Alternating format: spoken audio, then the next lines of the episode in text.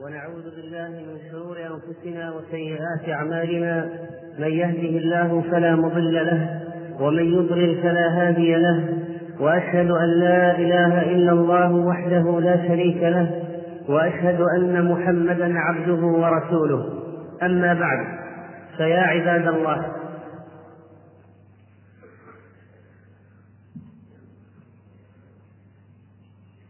يكون المرء في الإسلام ويولد في الإسلام ويعيش بين المسلمين وربما يكون ضالا فيهديه الله عز وجل فيغشى دور العبادة ويصحب الأخيار ويأتي الطاعات وينتهي عن كثير من المحرمات وربما شرع في طلب العلم ولكن يبقى في نفسه من آثار الجاهلية ما يبقى.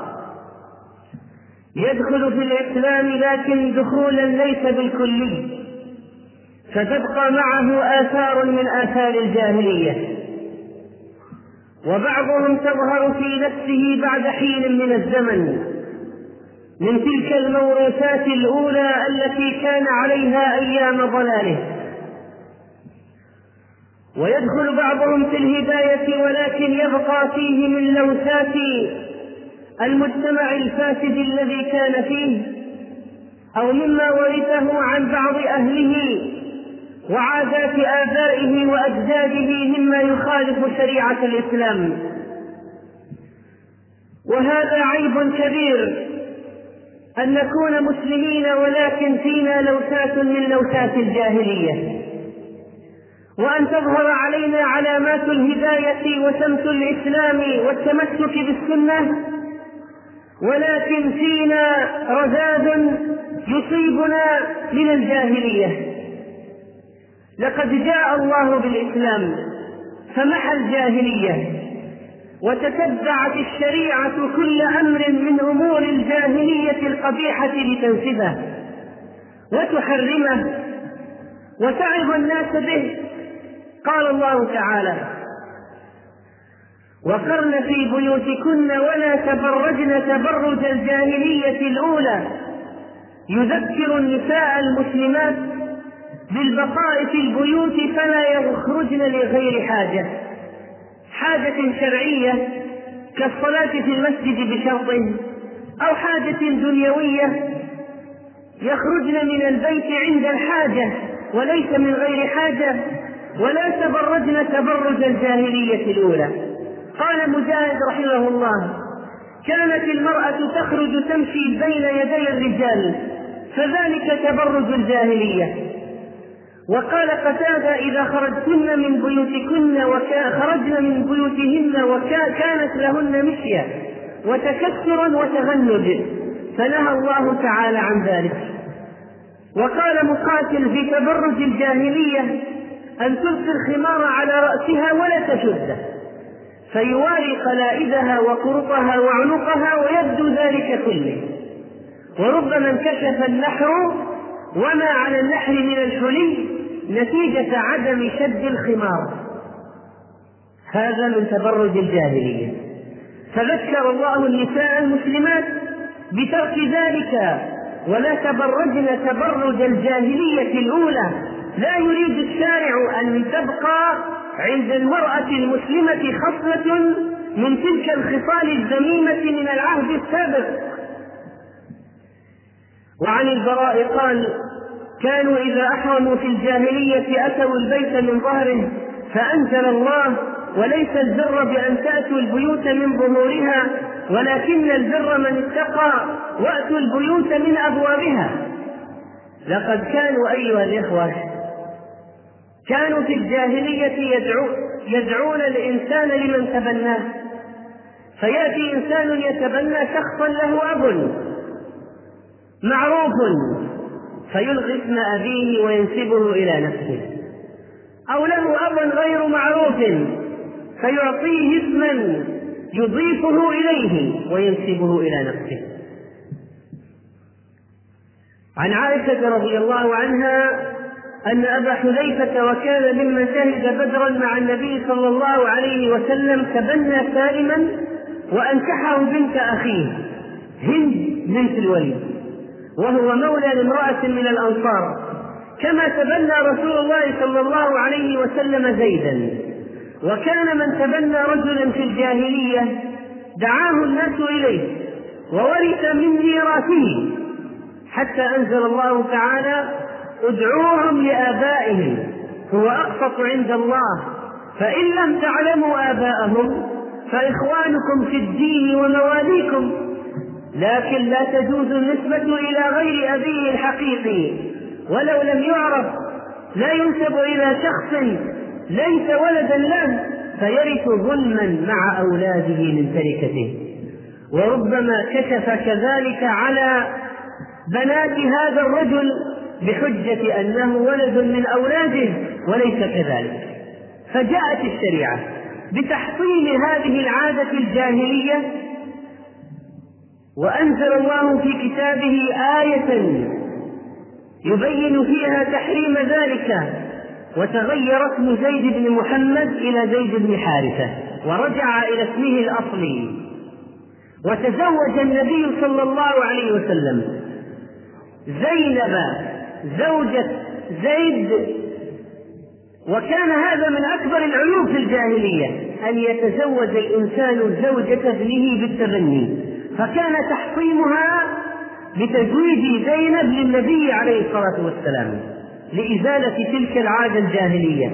ونسخ ذلك.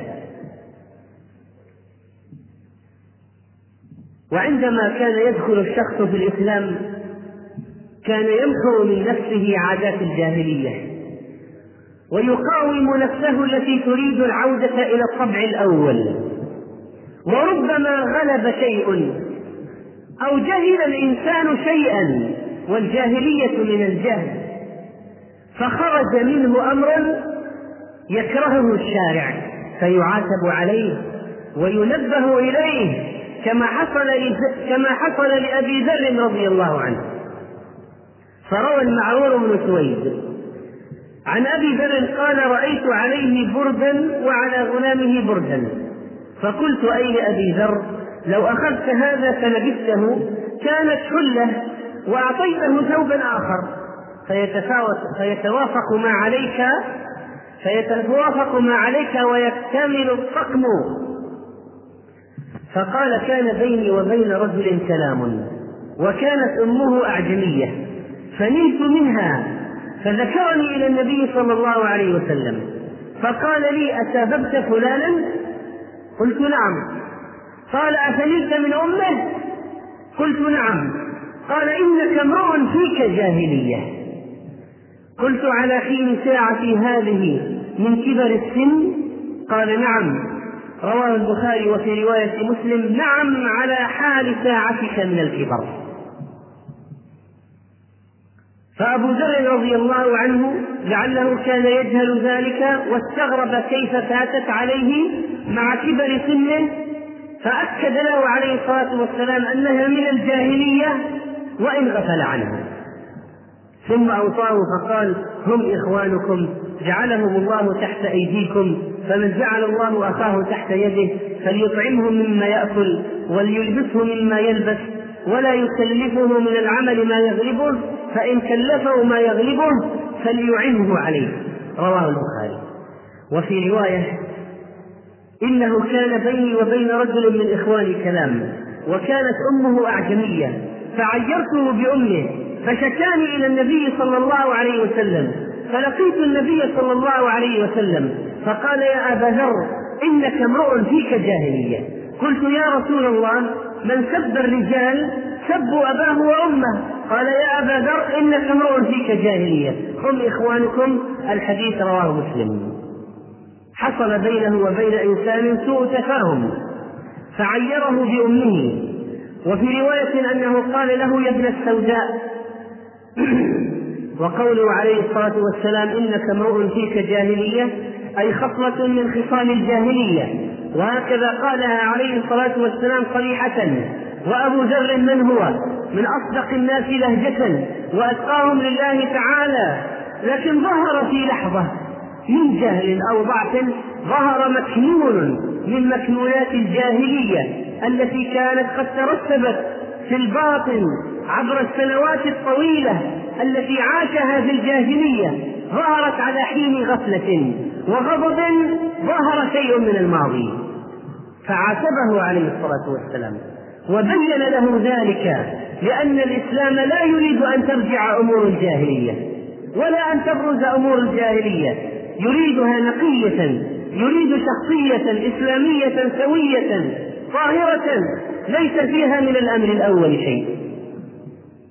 وقال عليه الصلاة والسلام ذلك في القصة المشهورة التي رواها جابر رضي الله عنه قال غزونا مع النبي صلى الله عليه وسلم وقد تاب معه ناس من المهاجرين حتى كثروا وكان من المهاجرين رجل لعاب فكسع أنصاريا أي ضربه على القفا يمزح وكان ذلك عيب عند أولئك فغضب الأنصاري غضبا شديدا حتى تداعوا وقال الأنصاري يا للأنصار وقال المهاجري يا للمهاجرين فخرج النبي صلى الله عليه وسلم. فقال ما بال دعوى الجاهلية؟ ثم قال ما شأنهم؟ فأخبر بكفعة المهاجري الأنصاري. فقال النبي صلى الله عليه وسلم دعوها فإنها خبيثة. رواه البخاري. ما بال دعوى الجاهلية؟ كيف ظهرت بينكم؟ كيف رجعتم إلى الاستنصار بالقبيلة والجماعة وتتعادون؟ ويتحزب لكل أناس جماعته وفرقته ويتفرقون ويقتتلون. هذه دعوة جاهلية. كيف ظهرت بينكم؟ ما بال دعوى الجاهلية؟ ترجعون إليها بعد أن هداكم الله. مع أنهم رفعوا شعارات إسلامية. فقال هذا يا للمهاجرين. وقال هذا يا للأنصار. والمهاجرون والأنصار اثنان إسلاميان هؤلاء هاجروا إلى الله ورسوله وهؤلاء نصروا الله ورسوله.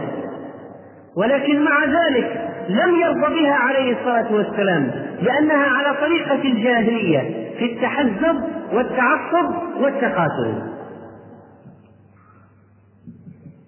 وقال عليه الصلاة والسلام ليس منا من لطم الخدود وشق الجيوب ودعا بدعوى الجاهلية. وقال أربع من الجاهلية لا يتركنا.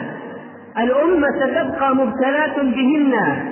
فتبقى هذه الأربع موجودة وحية في هذه الأمة مع أن هذه الأربع من أمور الجاهلية. الفخر في الأحساب. يفتخرون تعاليا وتكبرا. كل إنسان بأصله وقبيلته تعاليا على الآخرين. والطعن في الأنساب فيذم ويطعن ويشتم في نسب الشخص الآخر. والاستسقاء بالنجوم والنياحة. والنائحة إذا لم تتب قبل موتها تقام يوم القيامة وعليها سلبان من قطران أو درع من جرب فهذه أمور جاهلية. حذرنا منها النبي صلى الله عليه وسلم وأخبر أنها لا تزال تسري في الأمة. لكي ننتبه إليها ولا نقع فيها بالرغم من أننا مسلمون ولكن قد يرجع شيء وشخص إلى الطبع الأول. وإلى هذه وإلى هذه السيئة التي تسري في الأمة.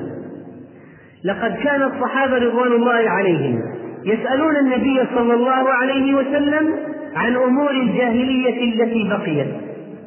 كما قال معاوية بن الحكم السلمي أرأيت أشياء كنا نفعلها في الجاهلية؟ كنا نتطير. قال ذلك شيء تجده في نفسك فلا يصدنك.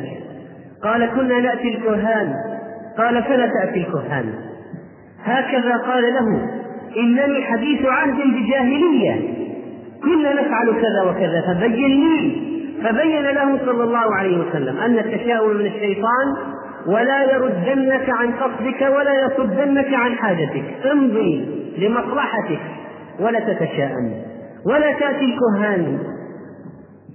وقال عليه الصلاة والسلام في قوم من العرب والعرب كانوا مشهورين بالفخر بالآباء وكانوا يتطاولون على بعضهم في ذلك وينشدون الأشعار في الفخر ويؤدي ما يؤدي إليه من احتقار الخلق. والبغي والحرب بينهم. قال عليه الصلاة والسلام إن الله عز وجل قد أذهب عنكم عبدية الجاهلية وفخرها بالآباء مؤمن تقي وفاجر شقي. الناس قسمان. أنتم بنو آدم وآدم من تراب.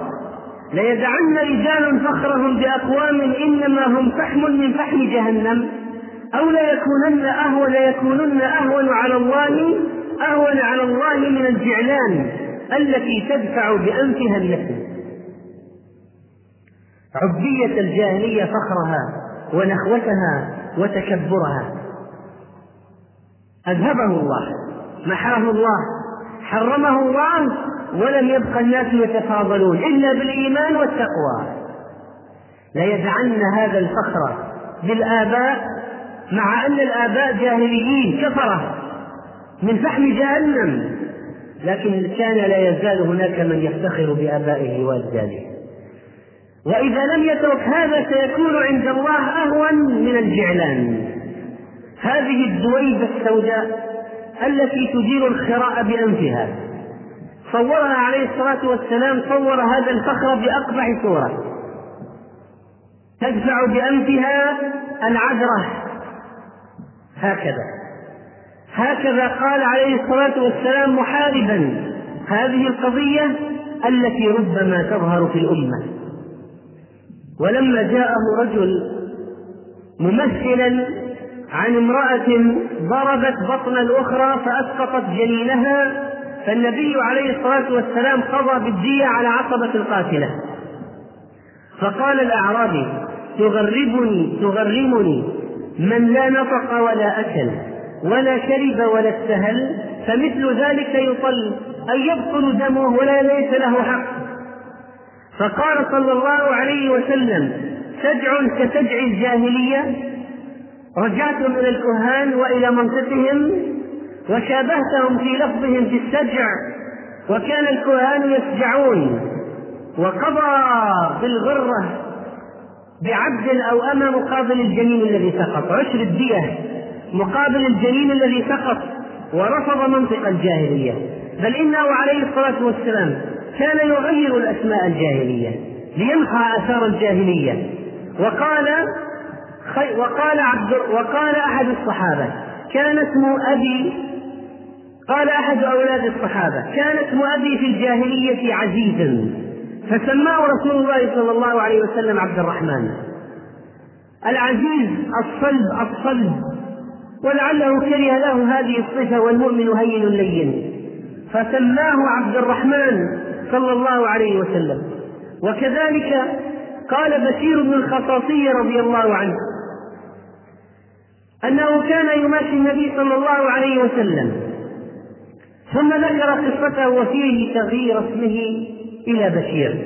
سماه به النبي صلى الله عليه وسلم. وكان الصحابة يقاومون كذلك الأسماء الجاهلية. فهذا ابن عباس رضي الله عنه قال من طاف بالبيت فليطف من وراء الحجر ولا تقول الحطيم. فإن الرجل في الجاهلية كان يحلف فيلقي سوطه أو نعله أو قوسه. رواه البخاري. هذا الحجر المنطقة غير المبنية من الكعبة غير المسقوفة هذا الحجر كان أهل الجاهلية يسمونه الحطيم وكانت أصنامهم فيه وكان الشخص إذا أراد أن يحلف مد عصا إلى هذه الأصنام الموجودة في الحطيم ليحلف ويسمونه بالحطيم. فنهى ابن عباس عن تسميته بالحطيم وسماه الحجر وهو الاسم الإسلامي المعروف المتعارف عليه. هكذا. بل إن الصحابة رضوان الله عليهم تحرجوا من أشياء لأنها كانت في الجاهلية. فتحرجوا من الطواف بين الصفا والمروة لأن أصنام الجاهلية كانت عليها وأهل الجاهلية كانوا يطوفون بها. حتى أنزل الله تعالى قوله إن الصفا والمروة من شعائر الله فمن حج البيت أو اعتمر فلا جناح عليه أن يطوف بهما. وأزيلت الأصنام ورجعنا إلى طريقة أمنا هاجر وتلك الذكرى العطرة. وكان الصحابة قد تحرجوا أيضا من التجارة في الحج لأنها كانت من عادات الجاهلية. فكيف يخلطون الدنيا بالآخرة؟ وقال ابن عباس رضي الله عنه كان ذو المجاز وعكاظ متجر الناس في الجاهلية فلما جاء الإسلام كأنهم كرهوا ذلك. حتى نزلت ليس عليكم جناح أن تبتغوا فضلا من ربكم في مواسم الحج. رواه البخاري رحمه الله. هكذا إذا أيها الإخوة هكذا كانت تسير الأمور. هكذا كان المحو لعادات الجاهلية والإنكار والإباء أن تبرز صفة جاهلية بين المسلمين. كانوا يريدونها نقية. نسأل الله سبحانه وتعالى أن يحيينا على الإسلام ويميتنا على الإيمان ويجنبنا الجاهلية أقوالا وأفعالا. إنه سميع مجيب قريب. أقول قولي هذا وأستغفر الله لي ولكم فاستغفروه. إنه هو الغفور الرحيم. وأوسعوا لإخوانكم. الحمد لله رب العالمين. الرحمن الرحيم. أشهد أن لا إله إلا هو وحده لا شريك له. رب الأولين والآخرين. وأشهد أن محمدا رسول الله. الصادق الوعد الأمين صلى الله عليه وعلى آله وصحبه ومن تبعهم بإحسان إلى يوم الدين. عباد الله كيف يكون ظهور الجاهلية بين أقوام من أهل الدين؟ يكون بمثل هذه العصبيات التي حذر منها النبي صلى الله عليه وسلم فيتعصب الناس لأقوال ولمذاهب مثلا كما كان أهل الجاهلية يتعصبون لقبائلهم ويتعصبون لأنسابهم. وقد ذكر شيخ الإسلام ابن تيمية رحمه الله في أمور من من السنة المتنوعة قال ومنها أنواع تكبيرات العيدين يجوز كل مأثور ومنها التكبير على الجنائز يجوز على المشهور التربيع والتخميس والتسبيع وإن اختار أي من اختار التربيع والتكبير أربعا.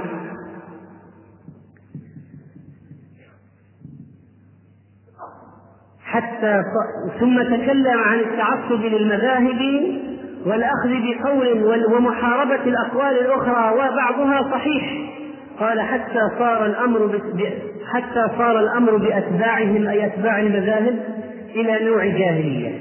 فصاروا يقتتلون في بعض بلاد المشرق على ذلك حمية جاهلية مع أن الجميع حسن قد أمر به رسول الله صلى الله عليه وسلم. وأمر بلالا بإفراد الإقامة وأمر أبا محذورة بشفعها. وأمر أبا محذورة بشفعها. فلو أذن مؤذن على أذان أبي محذورة فلا ينكر عليه لثبوت ذلك. ومن تعصب لقول واحد مع أن القول الآخر صحيح وعاد ووالى من أجل ذلك فهو من أهل الجاهلية. وكذلك لما تكلم رحمه الله في مسألة البسملة في الصلاة وقال عن أقوال أهل العلم في, في إثباتها في كونها آية من القرآن وفي قراءتها أقوال ذكرها. ثم ذكر أن هذه الأمة أن بعض الناس من هذه الأمة قد تفرقوا في ذلك ورفعوا الألوية إظهارا لشعار الفرقة مع أن هذه مع أن المسألة سهلة وواسعة ولا تحتاج إلى هذه العصبية مطلقة. إذا يمكن أن يحصل تعصب لأقوال من أناس يزعمون التدين مع أن الكل صحيح ما دام ما دام قد ثبت بالأدلة. إننا أيها الإخوة قد تظهر فينا أشياء من هذه الجاهلية. فنتعصب للقريب على البعيد ويقول يرجع الواحد إلى شعار الجاهلية. أنا وأخي على ابن عمي وأنا وابن عمي على البعيد. أليس شعارا جاهليا؟ ومع هذا فإنهم يفعلونه. ألسنا نحتقر أحيانا أشخاصا من جنسيات أو بلدان مع أنهم من المسلمين. فنستهزئ بهم ونتندر بهم ونذكر ما يسمى بالنكات أو الطرائف عنهم احتقارا لهم أو نقول لشخص فيه شيء من السذاجة عقليته وعقلية كذا ونحو ذلك. أليس فينا مفاخرة؟ أليس فينا مباهاة؟ ألسنا قد ندخل في التدين ونظهر سمات الالتزام ثم ننكشف في معاملة من المعاملات المالية؟ مع أن الشريعة حرمتها فنفعلها وقد نشهد لشخص زورا في محكمة ألسنا قد نعتدي على المال العام فنأخذ منه بحجج مزيفة ونعتدي على حقوق النشر والطبع المباحة لآخرين. وربما قال بعضنا هذا للكفار وهل كل أموال الكفار مستباحة؟ أو أموال الكفار الحربيين هي المستباحة؟ فنعتدي بحجج واهية.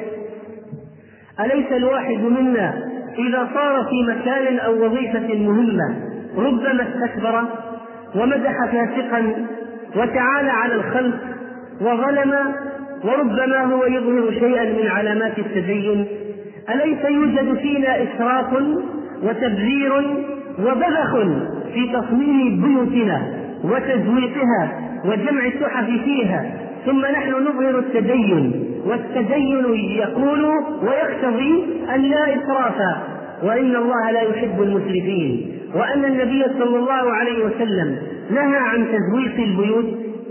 أليس أيها الإخوة ربما ظهر بذاءة في كلامنا؟ بل ربما ظهر في كلامنا منكر كحلف بغير الله مع أننا نقول أننا من أهل التوحيد. وهذا مثال قد حدث على عهد الصحابة رضوان الله عليهم كيف كانوا يتتبعون هذا الأمر.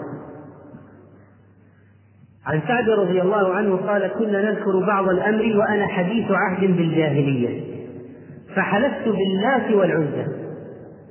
فقال لي أصحاب رسول الله صلى الله عليه وسلم بئس ما قلت كلهم قاموا عليه في المجلس لأنه قال كلمة باطلة. مع أنه ما قصد ذلك ولكن مما كان تعود عليه في السابق سنين طويلة يتلفظ بها في الجاهلية فخرجت الآن. ائت رسول الله صلى الله عليه وسلم فأخبره؟ فأتيته فأخبرته. فقال لي قل لا إله إلا الله وحده لا شريك له ثلاث مرات وتعوذ بالله من الشيطان ثلاث مرات وادخل عن يسارك ثلاث مرات. ولا تعد له. رواه النسائي رحمه الله. فهكذا إذا على أخيهم يعاونون وينبهون وهكذا يجب أن يكون حالنا أيها الإخوة. أليس فينا أحيانا خصال من عدم التنازل وعدم العفو وعدم المسامحة مع أن الدين يقتضي المسامحة؟ ونصر ونركب رؤوسنا جاهلية جهلاء في أن لا نكسر كلمتنا ولا نتنازل لإخواننا المسلمين. ويظن الواحد بالجاهلية أنه إذا تنازل فلم يصبح رجلا وأن رجولته قد نقصت. أليس كذلك يحدث بيننا أيها الإخوة؟ وهكذا وهكذا من الأشياء الكثيرة. مما نرثه أحيانا من عادات أهلنا السيئة. بل إن النساء أيضا حتى لو احتجبت وسلكت سبيلا كثيرا طيبا من الدين فإنه يظهر يظهر أحيانا عليها من ذلك فتقول هذه لم تزرني فلا أزورها وهذه دعوتها فلم تجبني والآن دعتني فلا أجيبها. هكذا وهكذا نتعامل مع أننا ينبغي علينا أن نرجع إلى الدين الحنيف وأن نتخلص من سائر هذه العصبيات وهذه الترهات من أمور الجاهلية. فهذه تذكرة والذكرى تنفع المؤمنين.